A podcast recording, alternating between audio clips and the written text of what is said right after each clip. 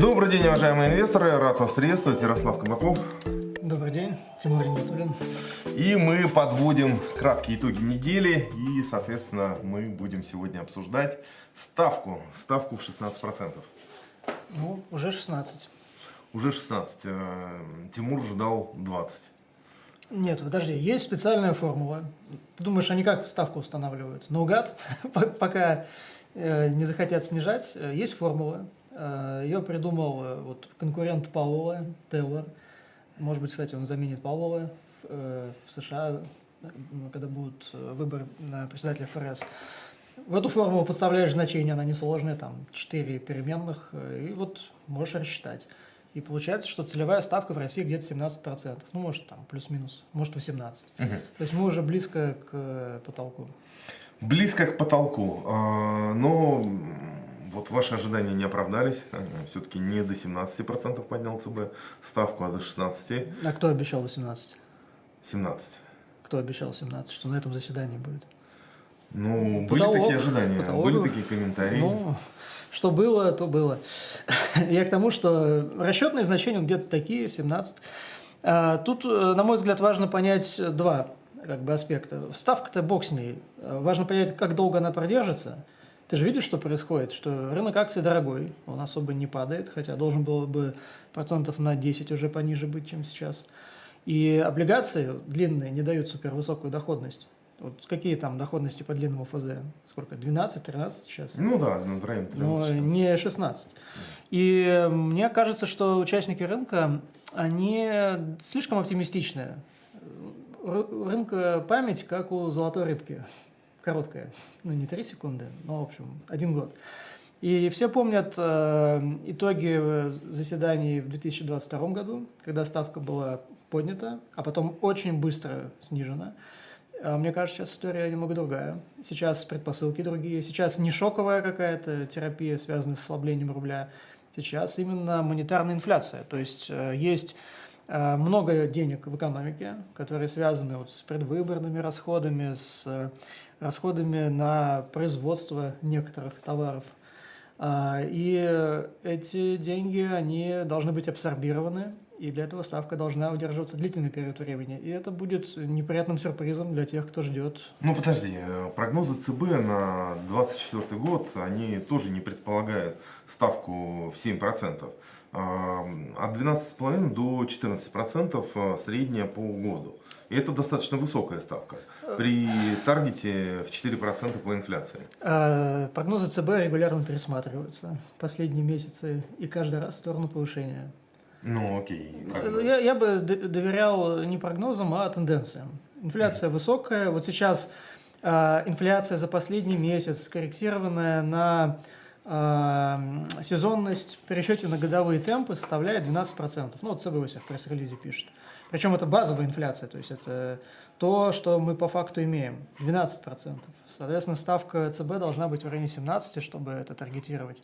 И акции должны учитывать эту ставку, в себе они не учитывают. И облигации должны эту ставку учитывать.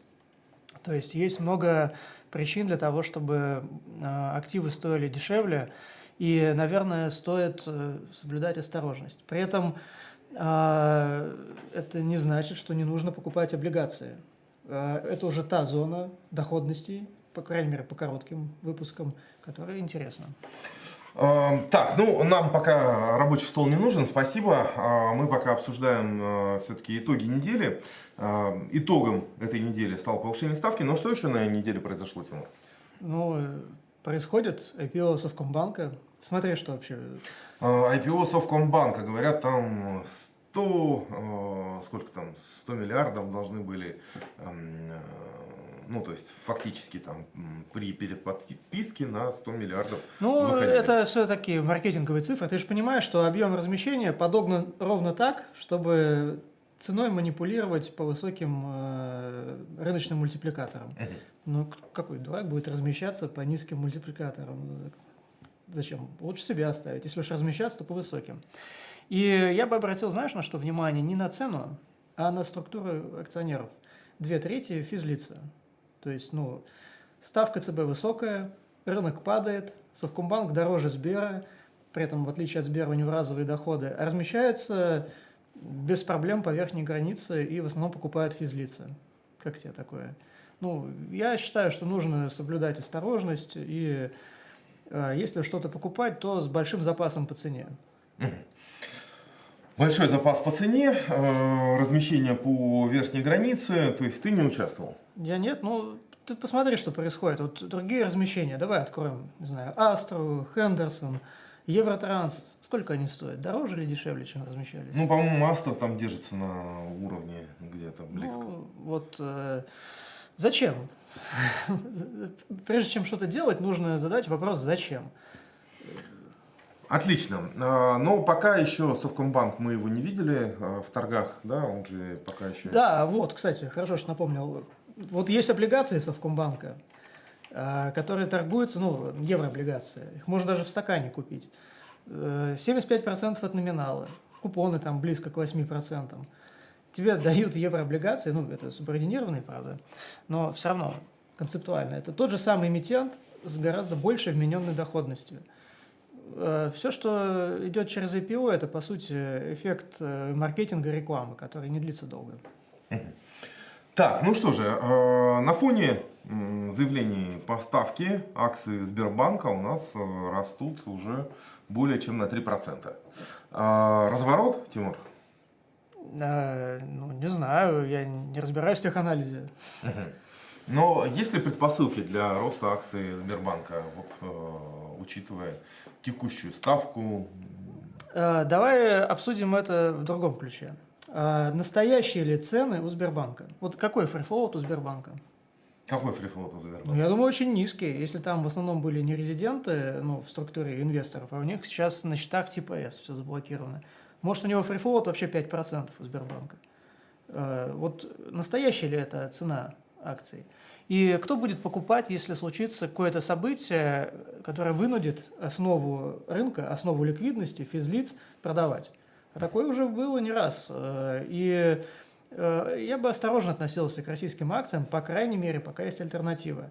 Если тебе здесь сейчас дают высокие доходности по облигациям, если тебе здесь сейчас дают доходности по рублевым и э, валютным э, замещенным облигациям, какой смысл выбирать акции? Что ты предлагаешь? Что покупаем? А, ну, я бы э, постепенно, последовательно перекладывал денежные потоки по портфелю, возможно, некоторые даже позиции закрывал бы в э, облигации, которые сейчас на первичном рынке размещают вот ряд эмитентов. Знаю, там Киви, МТС недавно размещались, э, по-моему, Ленэнерго размещала. Все эти облигации имеют следующий признак. Они привязаны к ставке Рония, либо к ставке Банка России – и по ним доходности идут с премией к этой ставке, то есть там, 17%, 18% в некоторых случаях. Это отличные доходности. Вот можно эти бумаги покупать. Можно покупать фонды ликвидности. Короткие ОФЗ для тех, кто любит госсектор или э, какие-то э, бумаги э, муниципальные. Э, можно покупать замещенные еврооблигации. «Газпром» – широкий выбор – а, есть э, теперь у банков. Вот недавно замещался Совкомбанк, мы обсуждали, вот первая из облигаций заместилась. Скоро Альфа будет замещаться. Тиньков Перпечуал свои два заместил. Один уже выше 100% от номинала стоит. А купить можно было за 50%. То есть, э, на мой взгляд, неочевидный такой выбор э, вот терпеть. Насколько я знаю, ты покупал э, облигации Тинькова, да? За 50% от номинала. За 50% от номинала и продал? Ну, часть половину продал, половину нет, продал в районе 100. В районе 100, то есть э, заработал 100%? Ну, э, не все продал. Зачем? Такая инвестиция нужна самому. Ну, я к тому, что акции – это какой-то, на мой взгляд, не совсем адекватно оцененный актив сейчас. У него и цена не настоящая, потому что нет долларовой ликвидности, физлицы формируется на образование. И, в принципе, эта фундаментальная оценка недостаточно привлекательна при текущих ставках. Спасибо. Так, что еще у нас э, интересного за последнюю неделю произошло? Заседание ФРС. Э, Подожди, заседание... нефть, нефть. Нефть, ну давай по нефти. Давай да, мы с тобой множество раз обсуждали, как это устроено. Да. Вот, э, что есть три страны, кто формирует потребление, кто формирует основную добычу нефти вот, в мировом масштабе. Россия, США и Саудовская Аравия. Россия добывает э, Саудовская Аравия чуть меньше, чем США, где-то процентов на 10-15. А раньше, наоборот, США отставала от России и от Саудовской Аравии. И то, что вот сейчас происходит в США, это такой ренессанс э, сланцевой нефтедобычи. Э, если посмотреть на график э, добычи, это ну, прямая аналогия с 2014 годом. Если мы говорим о прямых аналогиях с 2014 годом, то мы должны обсуждать э, не только, соответственно, добычу, но и цены. Ну, вот США добывает 13 миллионов э, баррелей в сутки, э, Саудовская Аравия добывает 8,9, Россия 9,9, то есть уже даже на 30% больше. В 2014 году э, не только добыча росла в США, еще и падали цены. В какой-то момент, когда возможности компенсировать рост в, Саудовской, э, рост в США за счет сокращения добычи в Саудовской Аравии и России был исчерпан, цены снизились. Вот. И я бы держал это в уме, это риск, который нужно учитывать, и, собственно, мы видим его реализацию здесь сейчас. И э, вот эти резкие запилы вниз по нефти, по сорту Brent, по сорту WTI, они не просто так происходят. Э, ну, какие-нибудь мексиканцы, Petroleus de Mexicanos, хеджируют свои э, объемы, которые они добывают, ну, они реально хеджируют каждый месяц, а, но они хеджируют их и не просто так. Они, и, видимо, кто-то еще знают, видят, что рынок нестабилен. Сокращать добычу нельзя бесконечно, можно только увеличивать. Ну и дальше какой вывод из этого? Какой вывод? Покупайте замещенные еврооблигации с доходностью в валюте. Отлично. А устоят ли э, эти облигации при условии некого коллапса, который ты нам рисуешь по нефти? Доходность в валюте. Ну, окей. Так. Финансовые институты устоят, если вот нефть будет... Э, Какие финансовые институты? Ну, э, вот ты говорил по поводу Тинька, ты говорил по поводу Альфы. Ну, надо разбираться, смотреть, диверсифицировать портфель. Э, ну, все лучше, чем покупать, не знаю, что там, акции с мультипликатором P на I100, или сколько там стоят вот эти все хайповые пиво. Не умеешь ты просто готовить в ОК. Да. Теперь давай э, все-таки обсудим э, ситуацию по э, ключевой ставке ФРС. Так. Э, было заседание, Мгм. э, выступал Паул, фактически признал, что э, это потолок э, повышения и э, э, по точечному графику планируется три по- понижения в 2024 году. Так. А, Раз. Второй момент – это ожидание рынка, который рынок ожидает даже 6 понижений ключевой ставки. А еще пару месяцев назад ожидали повышения ставки. Ты же видишь, что прогнозы Центрального банка не стоят ничего. Прогнозы рынка не стоят ничего. Вот как год назад рынок акций упал на ожидание, что ставка будет повышаться. Это все настолько бессмысленная информация. Э, В ценообразовании рынка нет какой-то мудрости. Это не- зачастую довольно спекулятивное поведение. И то, что мы сейчас наблюдаем, это вот э, такой эффект. То есть рынок не ожидал, а вот тебе. Э, Вот эти все инвестдома, Морган Стэнли, Goldman Sachs, кто, помнишь, говорили, вот ставки будут повышаться до бесконечности, скоро будет ставка ФРС 10%. Ну, вот я утрирую, но суть такая. Э, Это все не сработало, и э, инфляцию достаточно эффективно таргетируют. Я считаю, что э, те тенденции, которые мы сейчас видим, это рациональное поведение рынков, э, рациональное поведение макроэкономики, закономерное в ответ на достаточно высокую ставку. Если ты имеешь инфляцию 3% сейчас, а ставку вблизи 5%, и инфляция постепенно замедляется, ты можешь рассчитывать на снижение ставки. Нужно смотреть вот именно за такой логикой, которая простая и достаточно, на мой взгляд, очевидная. Не стоит ориентироваться на прогнозы участников рынка, они зачастую по какой-то причине довольно странные. Как еще это объяснить? И э, мы видим, что э, многие акции, которые не являются хайповыми, вот эти вот э, Nvidia и условная Tesla, которые, в принципе, слабо реагировали на эти тенденции по по повышению ставки. За исключением этих акций бумаги начинают восстанавливаться. Многие качественные эмитенты, котировки которых уполовинились, взять хотя бы банки, вот эти вот региональные, US Bancorp, PNC и так далее, они вот восстанавливаются. Вчера на 6% росли а, отдельные крупные региональные банки. Я думаю, что вот ночь завершилась, рассвет. Ну, так если рассвет наступил, почему же должны упасть цены на нефть? Потому что растет добыча. Если бы добыча была стабильной, не было бы проблем. Мы бы увидели, что спрос растет, каждый процент прироста ВВП потребляет, э, требует увеличения э, потребления нефти. Но добыча в США растет с большим запасом, с опережением. И не только в США, в некоторых других странах растет.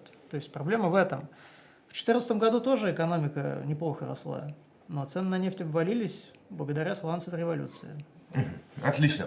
Так, ну что же, у нас э, к нам в эфир подключается Надежда Грошева. Надежда, приветствуем тебя. Ярослав, привет, всем добрый день.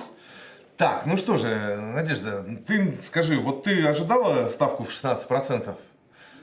Да, знаешь, я ожидала, и, э, честно говоря, было у меня еще ожидание, что, может быть, чуть выше будет, да, было несколько прогнозов, в том числе сегодня от банков даже появлялись прогнозы и от Альфа-банка, и еще кто-то из банков говорил, что ставка может быть повышена аж до 17%. А, но, как мы видим, а, нет, в итоге всего на процент а, это повышение произошло. И я, в принципе, так и думал, что будет в районе 16% по итогам года. И рынок тоже ждал, да, и разные опросы аналитиков, и своп рынок тоже показывал, что где-то на этой отметке и будет ставка.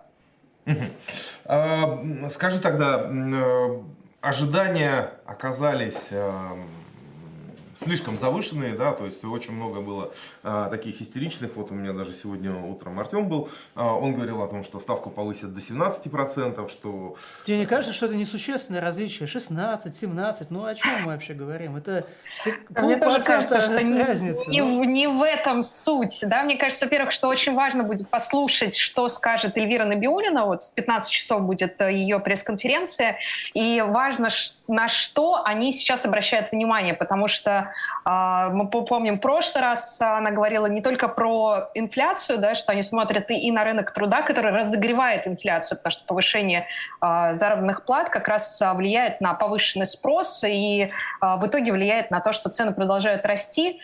Кредитный портфель тоже интересно, что они ждут по поводу кредитного Это портфеля, да, потому что кредитный портфель продолжает расти, несмотря на очень высокую ставку. Да, и если в прогнозе Центробанка, опять же, заложен такой э, рост, то, скорее всего, мы не увидим, наверное, быстрого снижения ставки. Вот еще важный момент э, для инвестиций. Понять, когда же ставка начнет снижаться.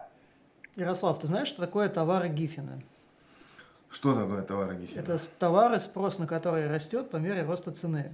Вот э, да, да, да, да, Россия вспомнил. уникальная страна, мы создали услугу Гиффина. Вот спрос на ипотеку по субсидируемым ставкам растет по мере роста ключевой ставки. Понятное дело. То есть ЦБ повышает ставку, чтобы охладить экономику, а кредиты растут, потому что ЦБ повышает Ну, ставку. не все так однозначно. Я вот э, видел последнюю аналитику, там у нас э, рухнул спрос на китайские автомобили, э, айтишники жалуются, что зарплата у них э, снижается, рынок труда постепенно трансформируется. Это вот... И только ипотека стоит. А ипотека... Да. Так, к нам присоединяется Ольга Беленькая, руководитель нашего отдела по макроэкономике. Ольга, приветствуем вас. Добрый день. Ольга, Я для думала, вас было ожидаемо 16%? Да, мы же выпускали превью и как раз писали о том, что ожидаемо 16%, и, собственно, приводили те аргументы, которые сейчас приводил ЦБ по поводу повышения, что э, инфляция идет по верхней границе прогноза, что экономика растет э, быстрее, чем прогнозировал ЦБ в октябре, то есть э, отклонение от сбалансированной траектории роста, что кредитование – остывает медленно, и инфляционные ожидания растут. Ну, еще аргумент по поводу внешнеторгового баланса, что импорт хоть и начал замедляться, но экспорт замедляется быстрее. Угу. Что риск для курса рубля. Ольга, у меня возник один маленький вопросик по э, одной из событий этой недели. Это была вчера прямая линия. Ну, прямая линия была ни о чем, я имею в виду с точки зрения экономики, там, каких-то вводных и так далее. Единственный момент, который меня очень заинтересовал, президент сказал, что в 2024 году должны быть дополнительные доходы, вот, при условии, что все-таки экспорт у нас падает быстрее, чем э, импорт, а откуда дровишки у нас должны взяться э, с точки зрения бюджета? Дополнительные доходы бюджета имеется да, в виду? Да, да, да, дополнительные доходы бюджета. Ну, действительно, в бюджете у нас заложен и очень большой рост расходов, и большой рост доходов. А, ну, в данном случае здесь э, можно привести вот и, как бы нефтегазовые доходы, существенный рост э, закладывается. Ну, э, я думаю, что если мы посмотрим на этот год, то нефтегазовые доходы, так сказать, вытягиваются за счет слабого рубля нефтегазовые доходы вытягиваются за счет э, корректировки налоговой форм, формулы, сокращением нормативным дисконта Юрлс к цене бренд. А, это сокращение заложено и на будущие годы, в то время как мы видим, что сейчас этот рыночный дисконт начал снова расширяться. Вот. Э, в нефтегазовых доходах, в общем-то, тоже заложено все, что, ну, в общем, планируется наскрести по сусекам.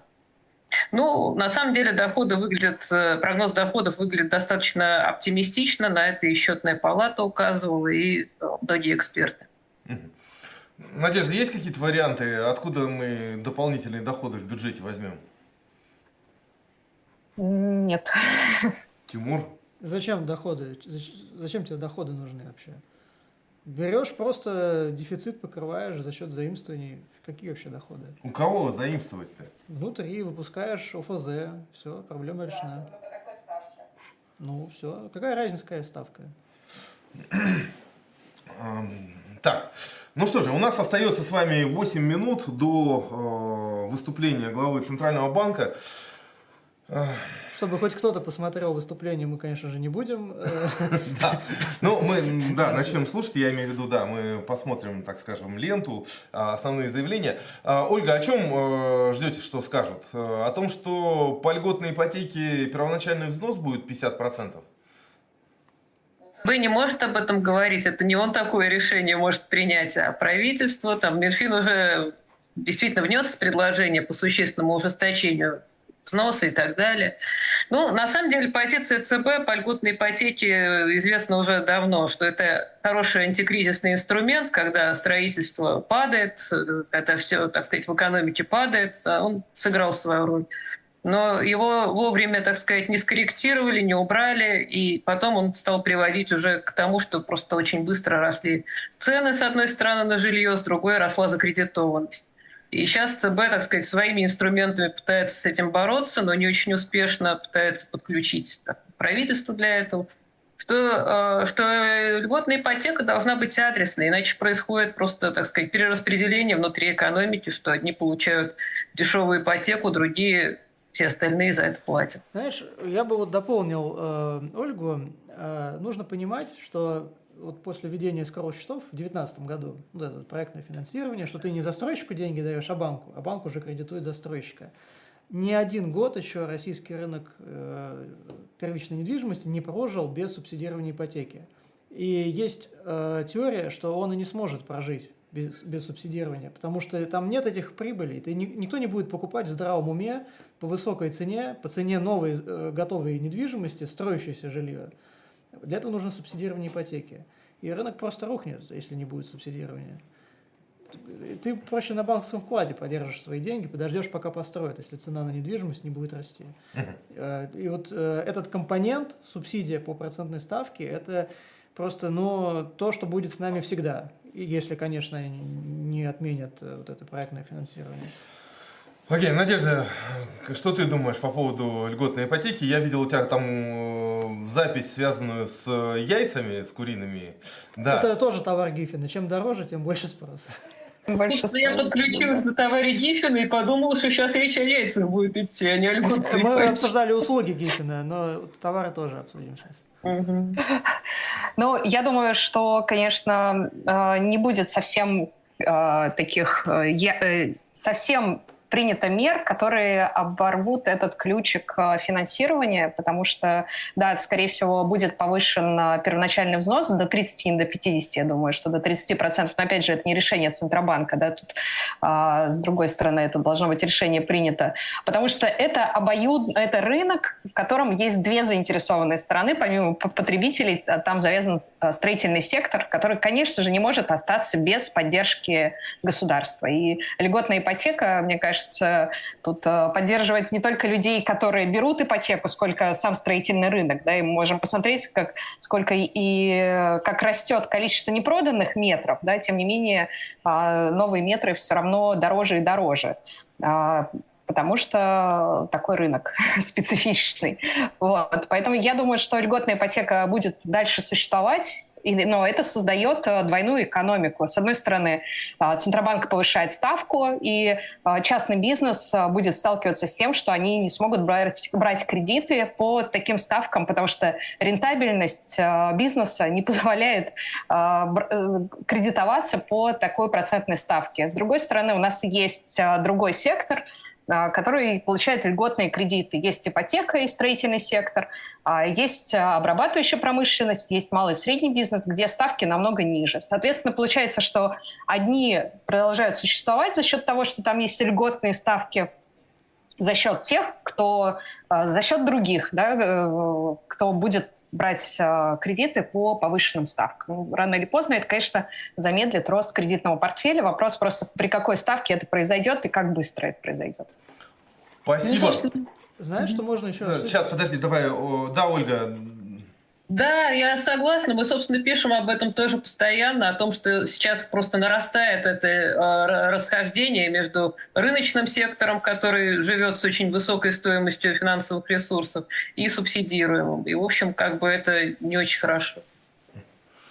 Спасибо. Ольга, какой прогноз по ставкам на 2024 год? Э, когда ждете переход ЦБ к смягчению денежно-кредитной политики?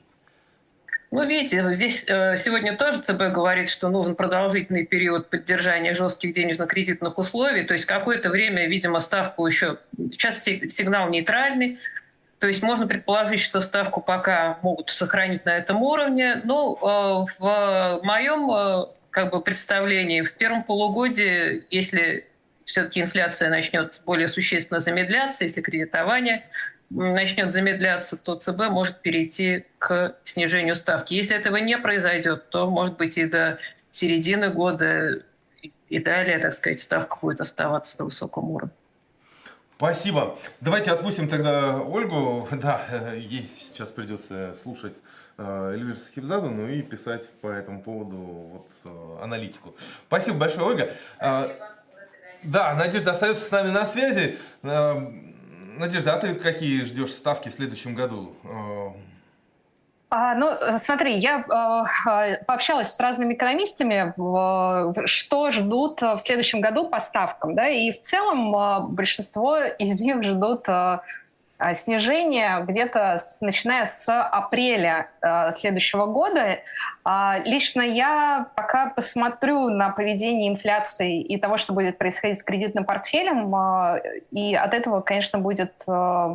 Э, от этого буду понимать, что будет происходить со ставкой. То есть если мы посмотрим, что происходило раньше, да, вот предыдущие два а, подобных повышения ставки. Одно, одно было в 2014 году, второе в 2022.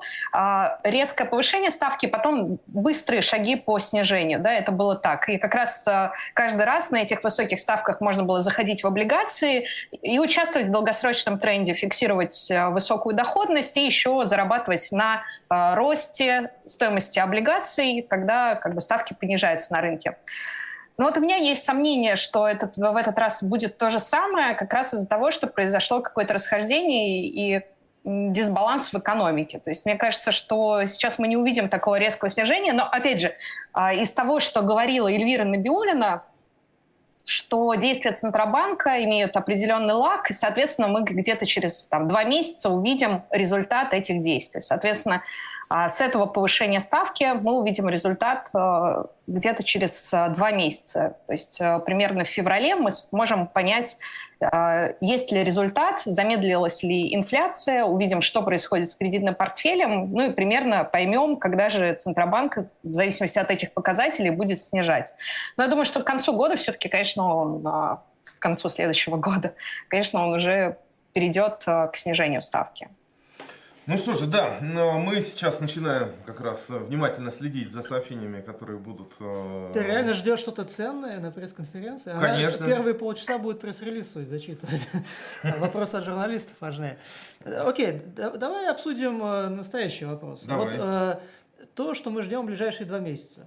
Мы ждем, ну я жду, что вот в ноябре и в декабре должны были потратить почти четверть бюджетных расходов, анонсированных на 2023 год за два месяца четверть расходов. Какой это будет эффект на монетарную инфляцию, на денежную массу?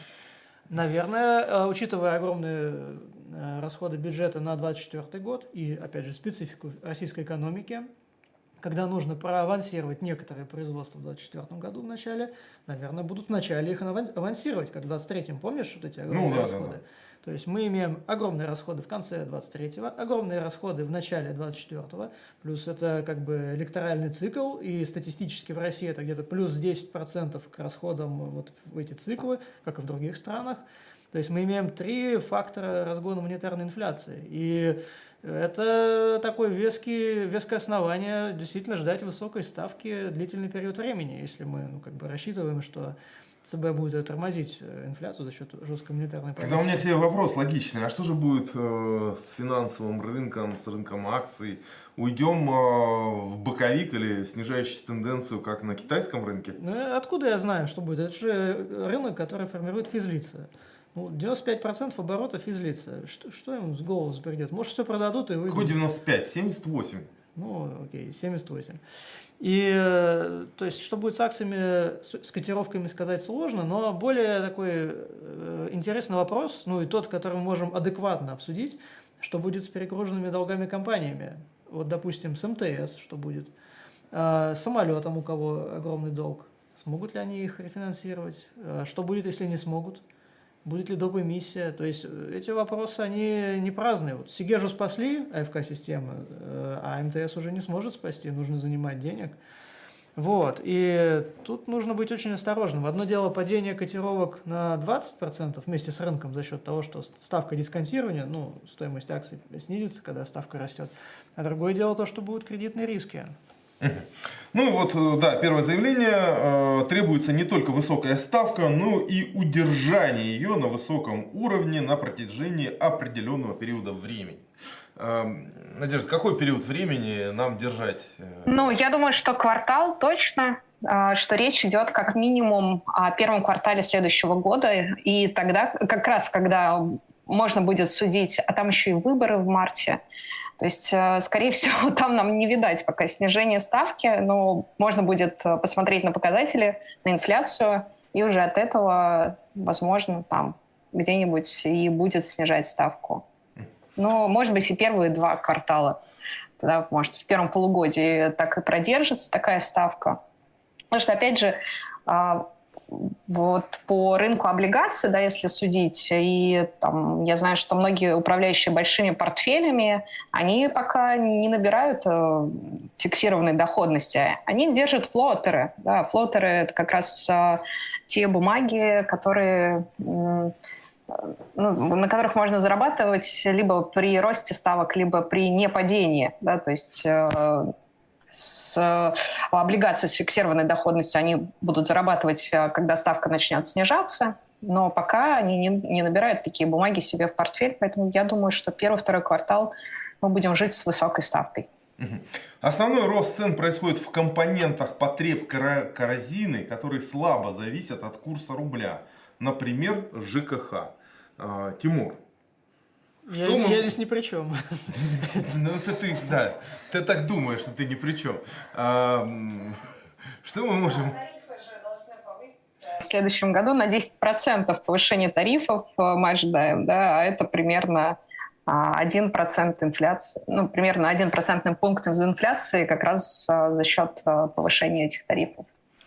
А, мы что-то из бумаг можем прикупить под, под повышение тарифов, и когда это отразится в доходах? А, ну вот, пожалуйста, облигации «Газпрома». Надежда, ты уже купила облигации «Газпрома»? Нет, знаешь, я, я к ним не очень хорошо отношусь. У меня были евробанды «Газпрома», они у меня заморожены. Я пытаюсь сейчас получить эти замещающие бумаги, и ну, пока не готова к, к новым облигациям «Газпрома». Ну вот, замещающие облигации, все всем платится. Покупай облигации «Газпрома». Да, окей. Так, ну что же, э, да, э, экономика не успевает за высоким э, спросом. Э, На яйца. На яйца. Что-то мы точно знаем, что есть высокий спрос. Это уже хорошая новость. Ну, видишь, денег много, товаров, э, количество не изменилось, а то и снизилось. Вот, как бы рыночная экономика балансирует эту разницу за счет роста цен. А, соответственно, ЦБ борется с этим ростом цен. Борется за счет того, что снижает спрос. Ну вот, все логично. Вопрос, э, будут ли подкидывать дровишки, чтобы лишние деньги появлялись. Вот есть э, ожидание, что в ближайшие месяцы, да, будут статистически так происходило. Поэтому вот осторожность нужно проявлять. Э, Еще как бы не замедление инфляции. И замедление будет сложным. Вот э, как, помнишь, стагфляция обсуждалась в США, особенно в Европе. Вот теперь наш черед пришел, к сожалению. Вот теперь у нас такой риск. А такой вопрос. Если в США и Европе будет дефляция, э, если там, темпы экономического роста в Китае, опять же, там не сильно будет подрастать инфляция, да, будет ли у нас, э, соответственно, рост цен? Ну, если в Китае, смотри, основной канал влияния на Россию, в, в, э, мировой экономике на российскую экономику – это экспорт.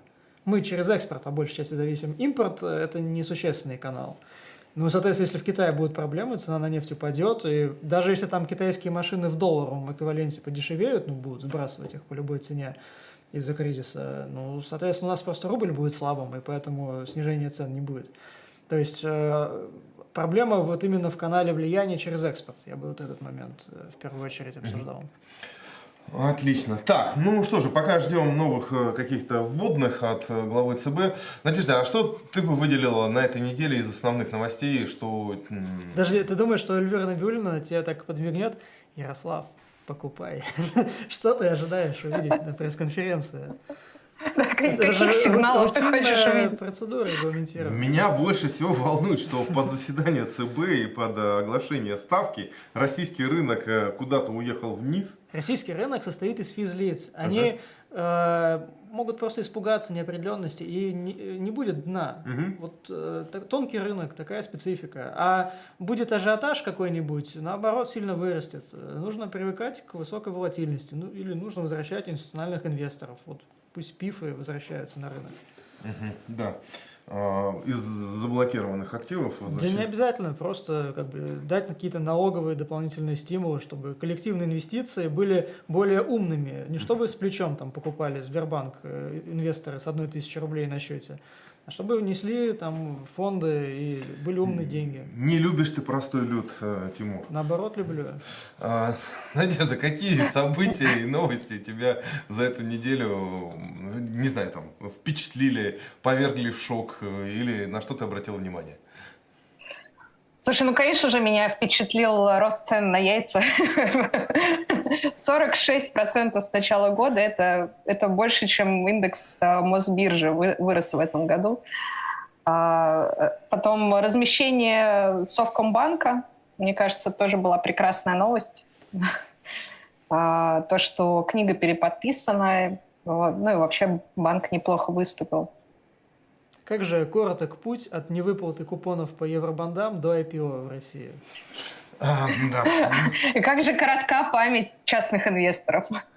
Да что же вы сговорились? Один про частных инвесторов, что у них там э, как рыбка ничего Но не... Ну мы же не для фондов проводим.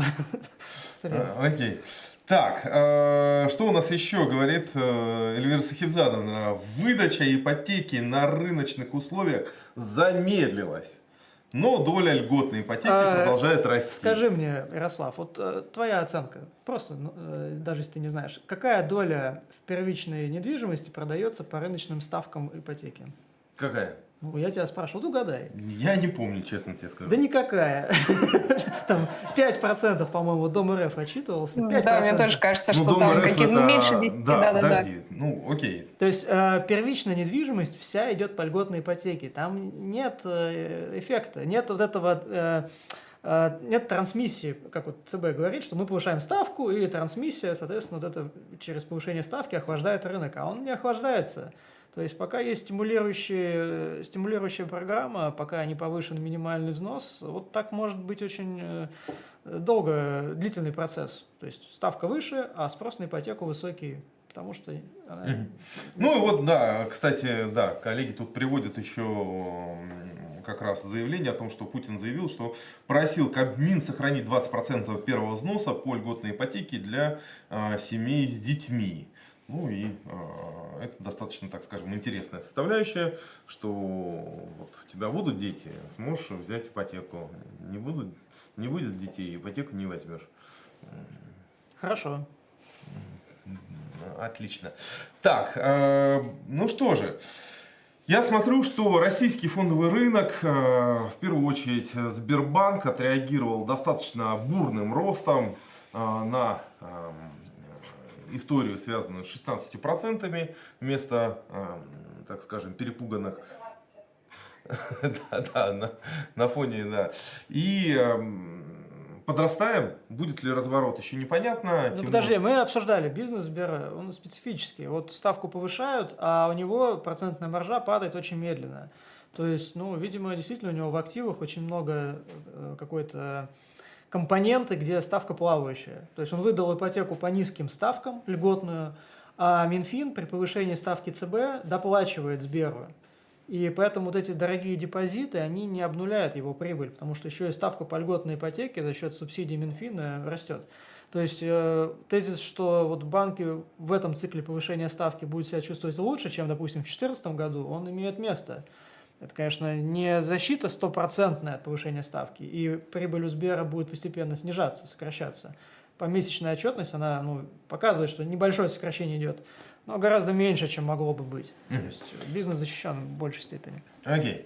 Так, замечательно, замечательно. Ну и, в принципе, я так понимаю, что это основные моменты, связанные с текущими выступлениями, выступлением во всем виноват Качественный ЖКХ. бизнес э, переживет это и дальше продолжит расти. Проблемы появятся у тех, кто купался голым.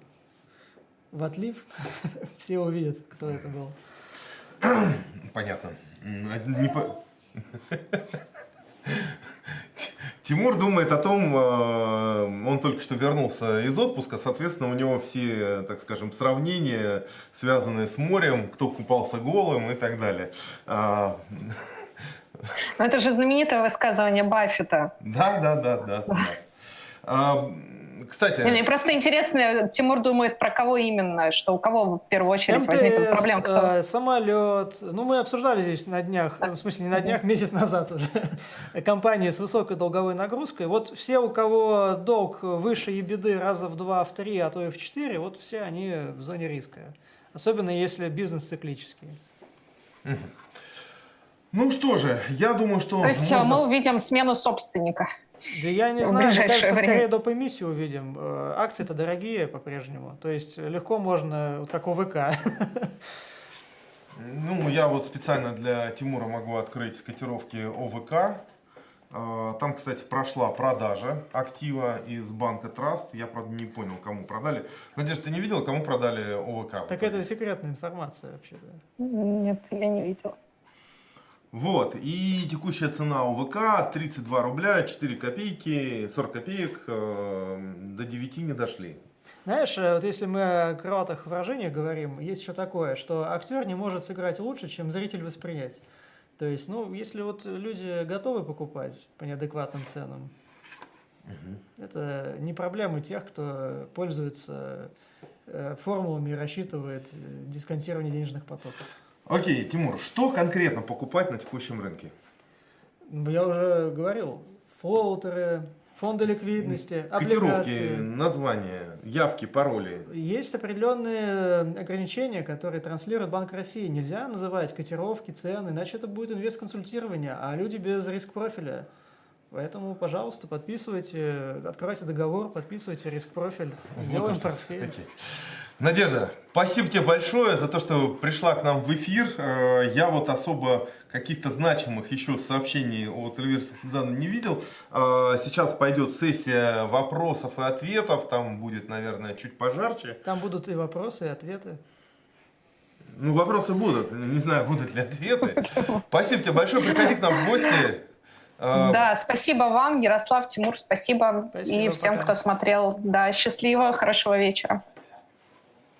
До свидания. Так, ну что же, Тимур, мы тоже с тобой постепенно завершаем. Эм, в общем, какой-то ты нерадостный.